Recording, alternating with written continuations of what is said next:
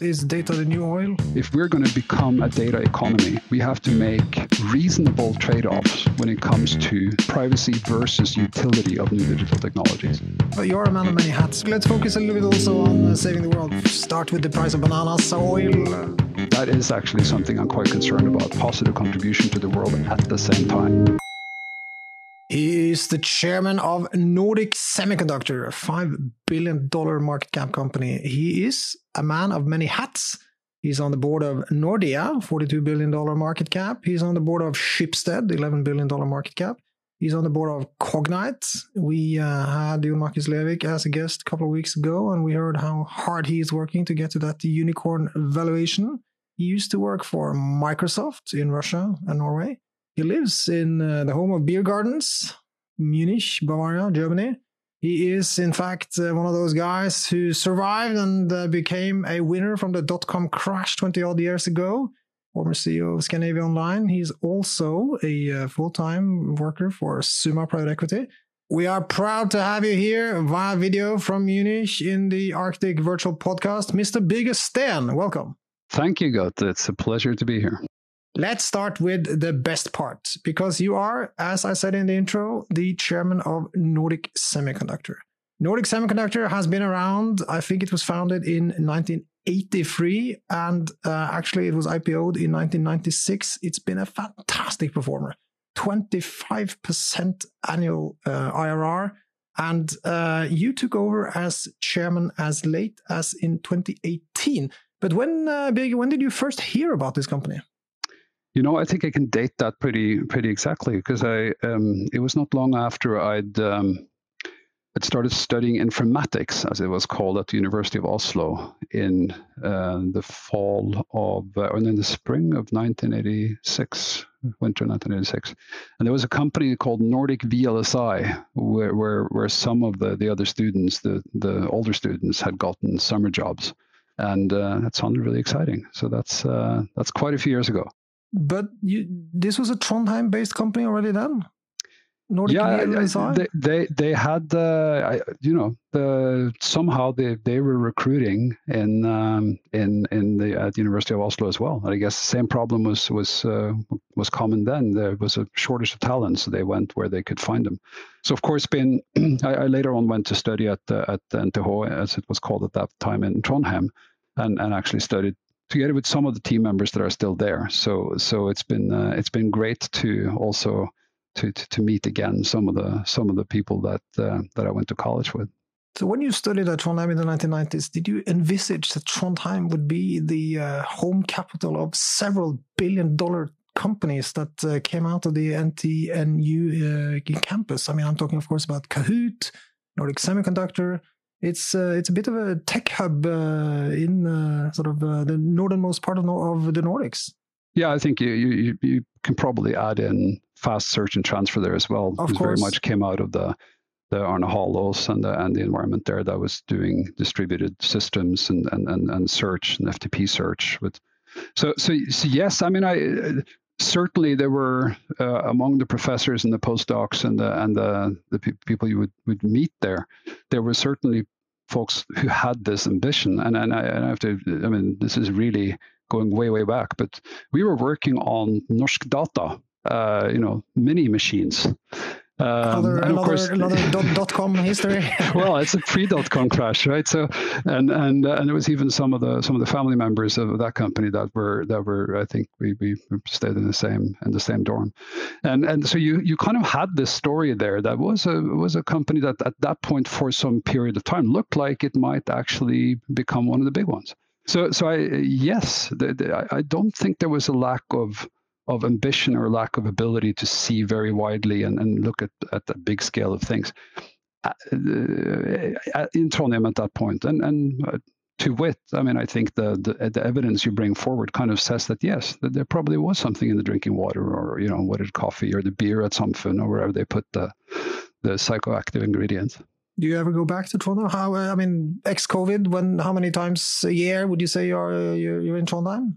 No, probably, probably, uh, probably one or two. Uh, I would say, uh, and it's it's obviously mostly to uh, connected with Nordic Semiconductor.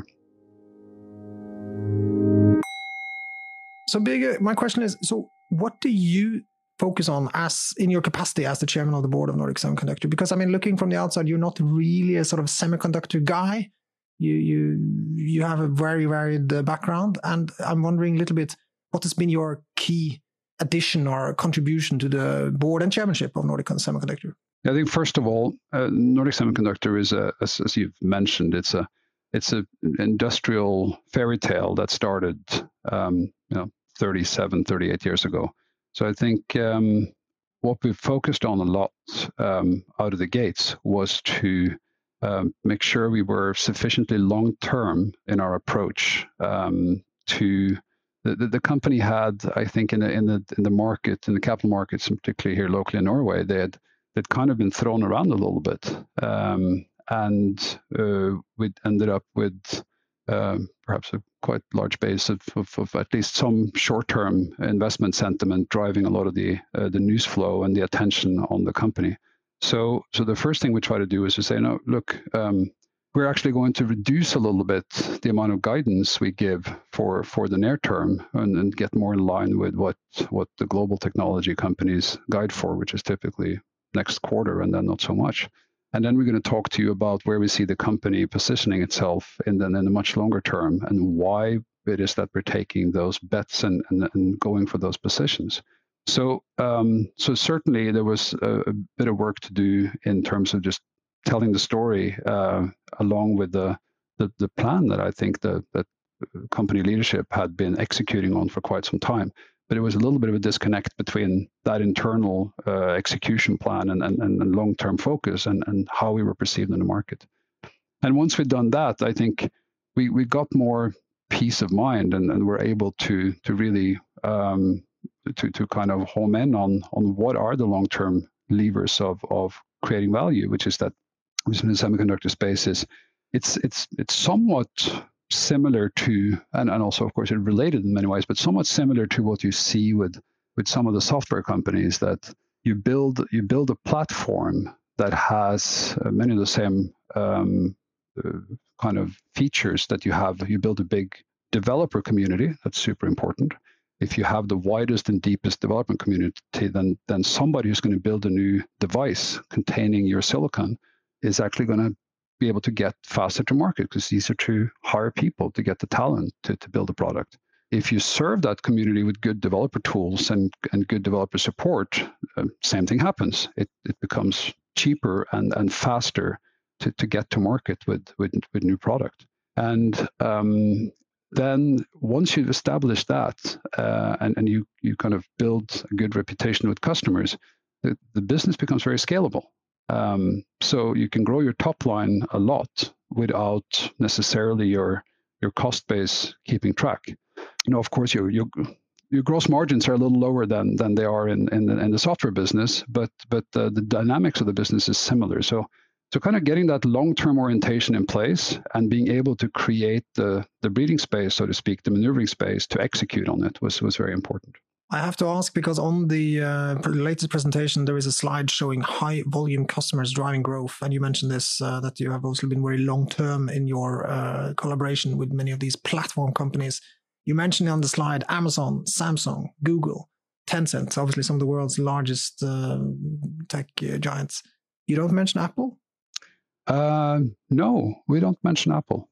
You're right. Okay, but uh, it's been a little bit mentioned in the media that um, the there has been a, an Apple uh, new product called the AirTag, and uh, our analyst says that uh, we think the AirTag should uh, support Bluetooth Low Energy and ultra uh, wideband to connect with and provide accurate positioning. Um, we uh, noticed that uh, the combination of record high and growing order book and high concentration of tier one customers could indicate that the Nordic Semiconductor chips is featured in the AirTag. Um, do you have any comments to uh, that uh, statement? look, I've, I've been working um, as, a, as a partner in the Apple ecosystem since, well, kind of technically, perhaps speaking, uh, even at Microsoft, but Parallels, I ran a company that that uh, had a large portion of its business working with with Apple. We made this product called Parallels Desktop for Mac, and um, and I think Apple's a fantastic company. Um, I use most of their products, including the AirTag, which I think is a is a fantastic improvement on. on I was going to ask you about that. Yeah. How, how, many do you have? How, how, many do you have? How many AirTags have you bought? yeah, I'm, i have. I, I, bought a four pack the first uh, for the first. Uh, I was kind of waiting there for the the you know the 5 a.m. PDT opening bell, and then uh, I'm, going to buy more four packs because uh, they they get consumed by my family. Um, my daughter keeps taking my car keys, uh, and and then or actually not the car keys, the the, the door keys, uh, and, and and now I see where they are. Very practical. It's fantastic. Yeah. So so it's a so, great great great products, and I think a super super um, evidence of uh, how you can take an existing product category and you can use you can use uh, enhanced wireless connectivity to really create uh, something that's super useful. And um, you know, I hope there'll be more products of that category that that know where they are. So uh, you know, you don't have to you don't have to wonder where. So finishing on the Nordic Semiconductor part of this uh, podcast, obviously it's been a fantastic performer. The stock's up 675% since you took over as chairman as late as in December 2018. That's an annual uh, compound of 135%. Uh, our analyst is expecting sales of $554 million in 2021, increasing to north of a billion dollars in only a couple of years. So, what's the worst part of uh, working with Nordic Semiconductor, uh, Birger? I think the worst part is is there's so much opportunity. Look, I think Warren Buffett talks about um, business or, or good businesses as uh, in terms of snowballs. If you have a snowball and then the snow is sticky and the hill is long, it can roll for a really long time. And and it's really about finding the steepest hill with the most sticky snow, because then your snowball is going to get the biggest. I think there's a lot of hill in front of Nordic Semiconductor, and there is um, there's a plethora, there's a multiplicity of opportunities, and and the company simply has to prioritize and make sure we you know, we we we, uh, we go after growth opportunities at the same time as we execute super well on, on those we are on uh, already. I think the team has executed super well on that. We've, we've built with very long-term approach this cellular IoT business that we were able to take over uh, in in Finland, and and that those that category is is, is extremely exciting. And then most recently, of course, we acquired um, we acquired uh, a Wi-Fi business. So we now have a, a, full assortment of wireless technologies that we can take to market. So um, uh, you know, it's a it's um, it's an abundance of riches. We just need to make sure we spend our time where we can serve our customers the best and and build the most long term platform business that can continue to grow for for many years to come. Any synergies between being on the board of uh, Nordic Semi and being on the board of uh, Cognite? You mentioned, of course, Jon Markus Lervik. We had him in the podcast a couple of weeks ago. Fascinating guy. Uh, do you see is is Nordic Semi and Cognite working together well, in fact, they, they, almost certainly are, but but not not in a formal way uh, for now. I think the um, uh, first of all, Cognite's a fantastic company. I had the pleasure of being part of it since almost the very beginning. I, I think we had a handful of employees when I when I was able to to join the board there, um, and and I've for for uh, for um, the record, I, I exited the board in, in December, so I'm no longer a board member, but i am of course a big fan of the company. Um, they're they're they're in a sense the next layer up in the stack. Um, one thing that's going to truly transform the world over the next 5, 10, 20 years is the ability to instrument most things and uh, generate signal that reports back to us uh, and to and to computers what's going on. Um, that's going to be super important in how we drive economic growth. It's going to be super important in, for instance, how we respond to things like the elderly care challenge. It's going to be super important for overall sustainability. Uh, in fact, you could argue that a lot of the sustainability issues we, we deal with today are due to absence of data. Because if we had more data, we'd be able to we'd be able to regulate and be able to give customers choice, and we'd be able to emit less and, and keep the planet whole. And there, I think the Nordic layer is sort of where signal gets picked up and gets transmitted.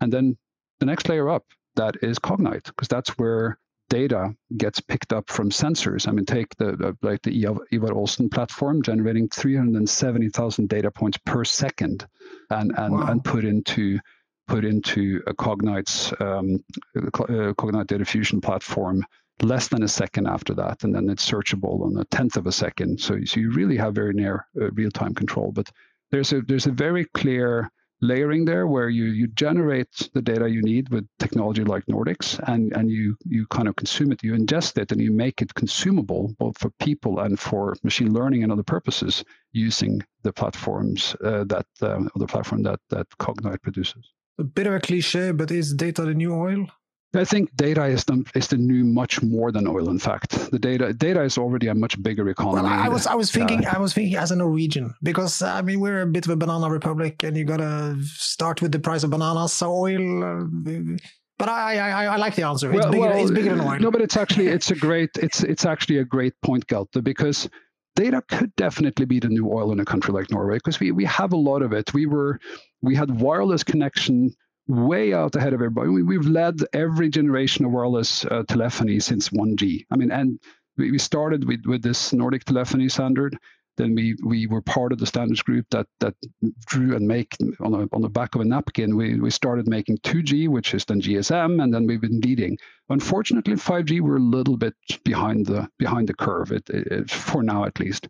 But well, I mean, it's it's not so far to Sweden and Finland, so it's I would say it's in the Nordic sphere. That's true. Not very much. No, so so so data could definitely be the new new for for for Norway, but but then we have to get off this, um, and this is a bit of a pet peeve from me, I have to say. During the pandemic, in the UK, um, they found out that, wow, we can't see what's going on in our healthcare system. And that's a problem because if we could, we could monitor the pandemic real time took them five weeks with ethicists, philosophers, computer scientists, and some other people in a project called Open Safely to agree on how they built real-time or near real-time access to all the healthcare data that they have in their electronic patient journals. And that's one of the reasons the UK has navigated the end of this pandemic so well, starting with, with May. There are other reasons.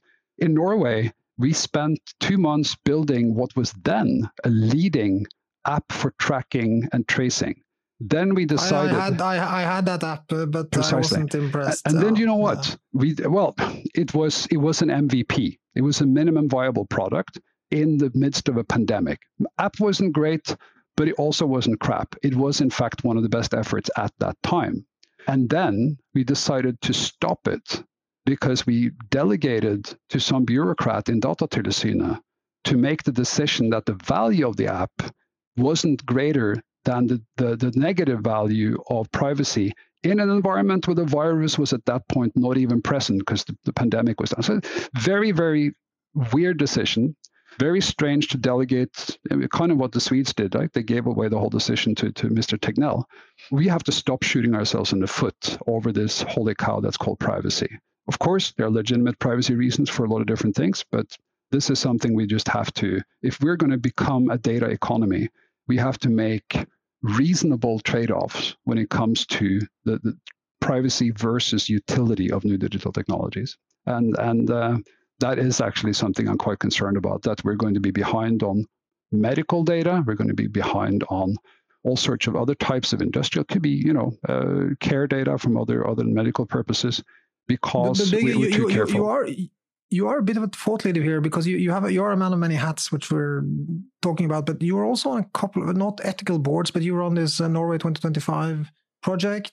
Uh, you, you, have you have been a little, you have been a voice in this in this. Yeah, thank you. Am I overest- uh, uh, well, yeah. And if you uh, if you do read the report from from that group, you will you will see some points of view on this, uh, and and of course, we were a collegium. We the report we write represents something we all could sign up to, but it doesn't necessarily report uh, represent everything everybody thought about. And I, I would say um, we've tried to visualize in the report some of the costs of making the wrong trade-offs here, and, and Smittestopp is certainly one of them. Uh, there are others. So I, I, think net net what we what we would have to do to to think we can really lead in this next phase of digitalization is not only educate much more people that are good uh, and, and really good, you know, the peak type of people like Jon Markus Lervik and, and, and, and his crew. Um, we also have to import a lot of people because we just don't educate enough of them and we can't even re educate enough of them, even if you put a lot of effort into that.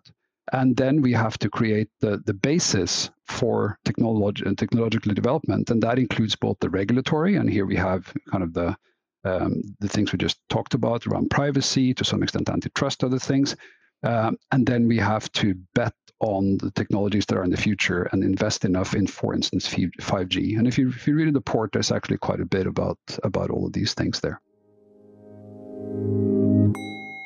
One of your other hats is uh, Summa Private Equity. We know that the company was started by Reynir Indahl and it's fairly new on the private equity sphere and seems to have a very clear ESG agenda.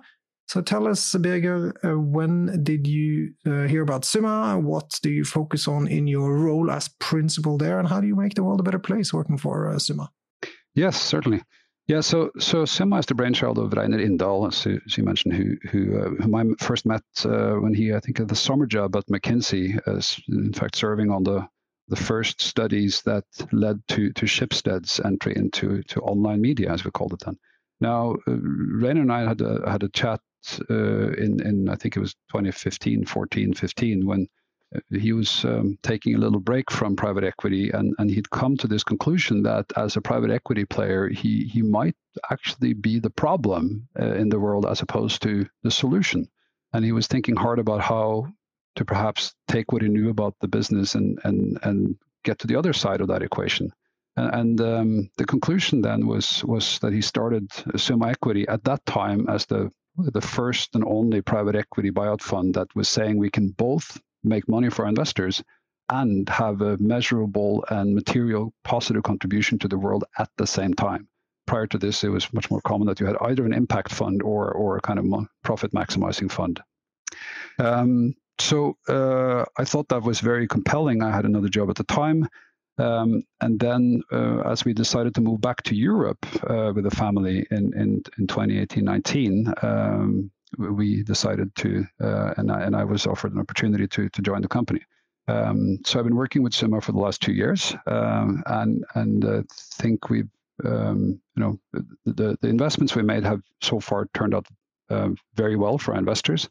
And and I yeah, think but let's uh, let's focus let's focus a little bit also on uh, saving the world because I notice you're uh, working. Uh, it says on your uh, Summa homepage that you're working with a company called Pagero, and uh, Pagero saves 475 hectares of trees every year. How how do you how do you save trees? Yeah, so that's that's kind of part of the formula here. We we look at companies that are interesting investments, but we do not unless we can see a, a very clear and measurable link between the company's performance business wise and one or more uh, sustainable development goals. And we really try to be hardcore about this and quantify it and follow it up through the company's um, life cycle. And, and as you point out from Pagero here, which is a company that digitalizes and automates business communications, and in this case, you know, oftentimes invoices when they're sent on paper, they consume a lot of trees, they they burn a lot of CO2 as they're transported from one place to the other. And in fact, an invoice really shouldn't happen in 2021 because all companies have business systems that are fully capable of talking to each other directly. In fact, most companies do by now, even the even the small and medium-sized ones. So um, is on a mission to build the world's biggest open business network that can seamlessly connect buyers and sellers uh, in, in, the B2B space.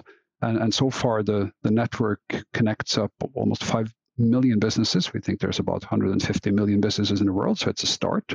Um, and um, has very rapidly growing volume of, of traffic in, in their network. It's a, tremendously interesting company, both from an investment point of view and from a, a, a sustainable development goal impact point of view. How far do you think this company is from uh, IPOing, either at uh, Euronext Growth or another established uh, marketplace?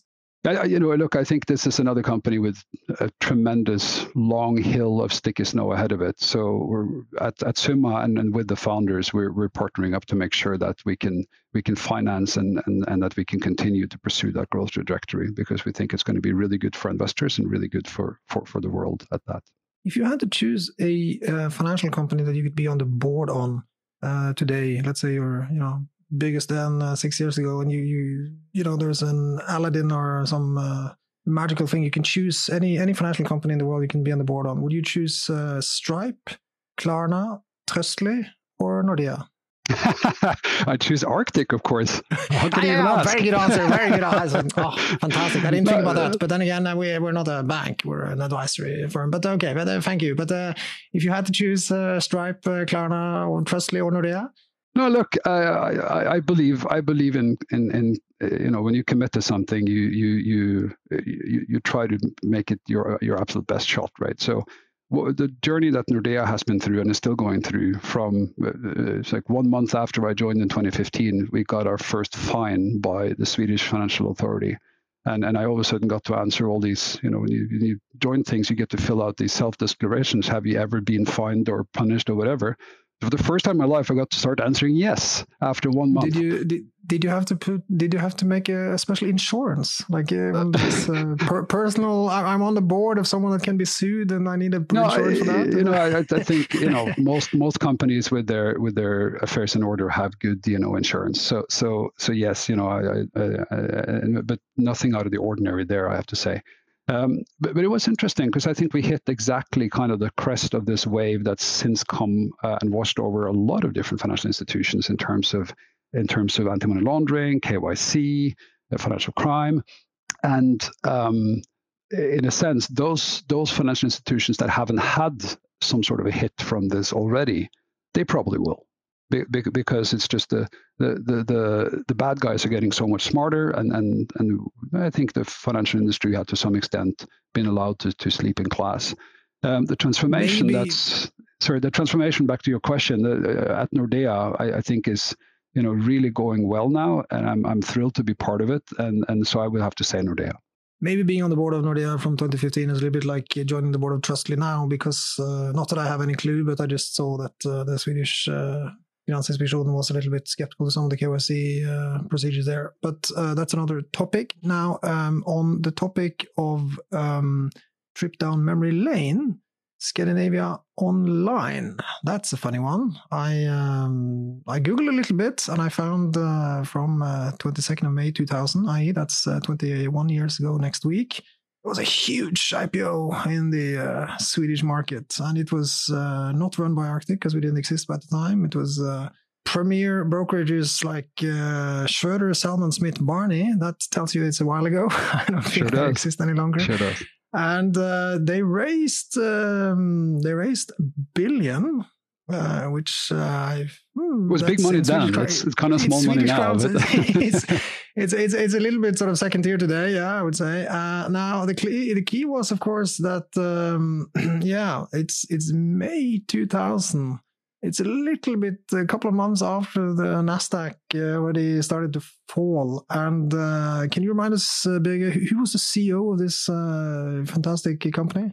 Yeah, that was interesting. I, I, was the CEO. I had been the CEO for for all of uh, all of three months at the time. As you said, the Nasdaq crested. I think it was March 16th or 15th, um, and then started going going down. That was that was uh, the same day I, I was named uh, named CEO. Um, and then great timing. When we, when we, finally got out, I think uh, beginning of July that year, we we um, it was literally the last window for listing our type of companies. I want to say.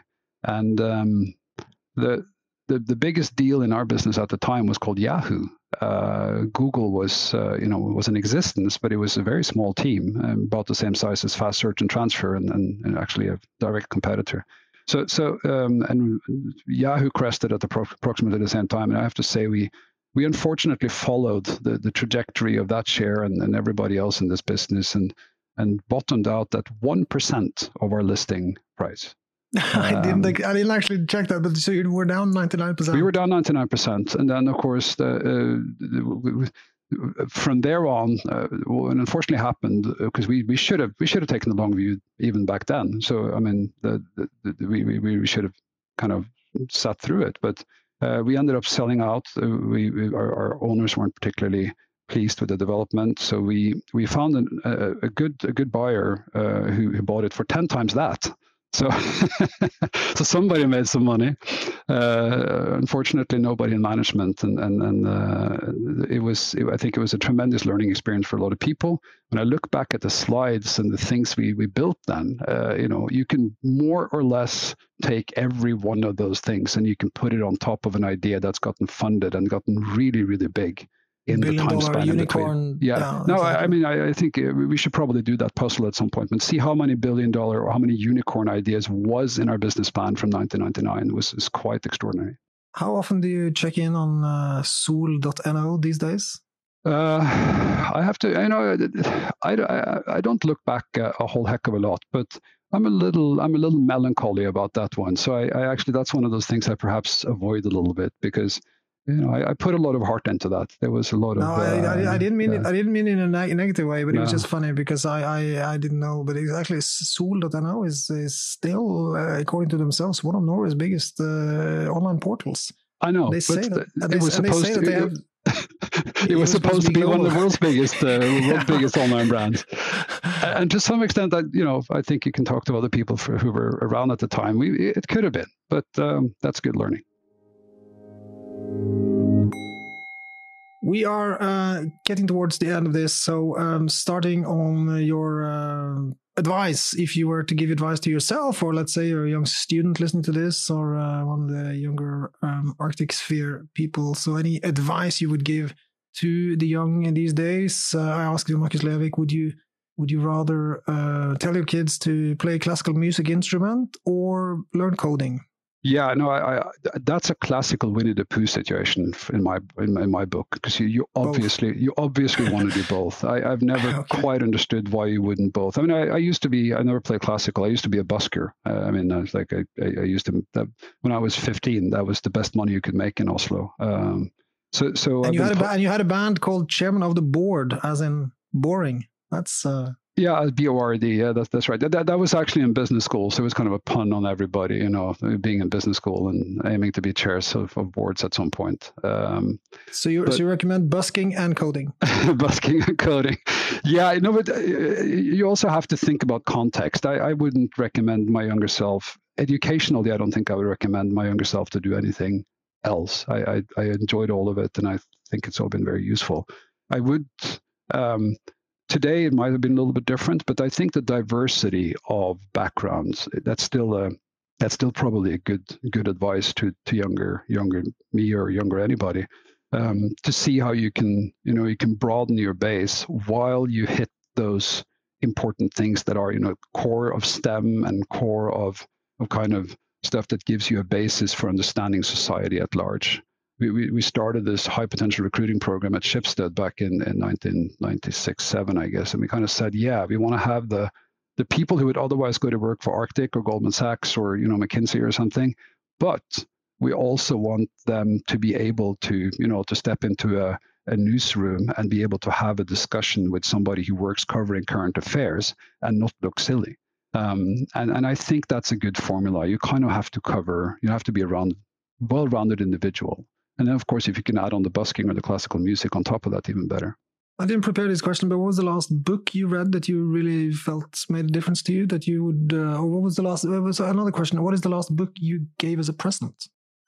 The right, the last book I bought on Amazon is called Savage Continent, um, and it's about what a miserable place Europe was after immediately after World War II, and and how uh-huh. you know when you look at these well-ordered societies that you see today, how much we've sublimated that away. Um, the last book I started was a fiction book that's called Exciting Times, I think, about a young expat in, in Hong Kong. Um, I, read I didn't, I didn't yeah. like that. I thought it was too oof, too soft. But uh, yeah, I find, I'll, send, I'll, I'll, I'll, send you I'll send you my book list with uh, with uh, some some pluses and minuses. But uh, but I actually read that one yeah, and then uh, um, and of course I I, I think uh, I because I think it's a really good book that deserves to be read is, is Bill Gates' um, Avoiding a Climate Catastrophe, and and it's got some really interesting points about you know it's not it's not straightforward that the road to eliminating emissions is one that goes through all the easiest projects to be done in the next five to ten years. There, there's some good stuff there in addition to a bunch of good facts. I'm uh, listening to a uh, audiobook called Apocalypse Never by a guy called uh, Michael Shellenberger. Have you heard of that? Yeah, uh, it's on my list, but I haven't gotten there.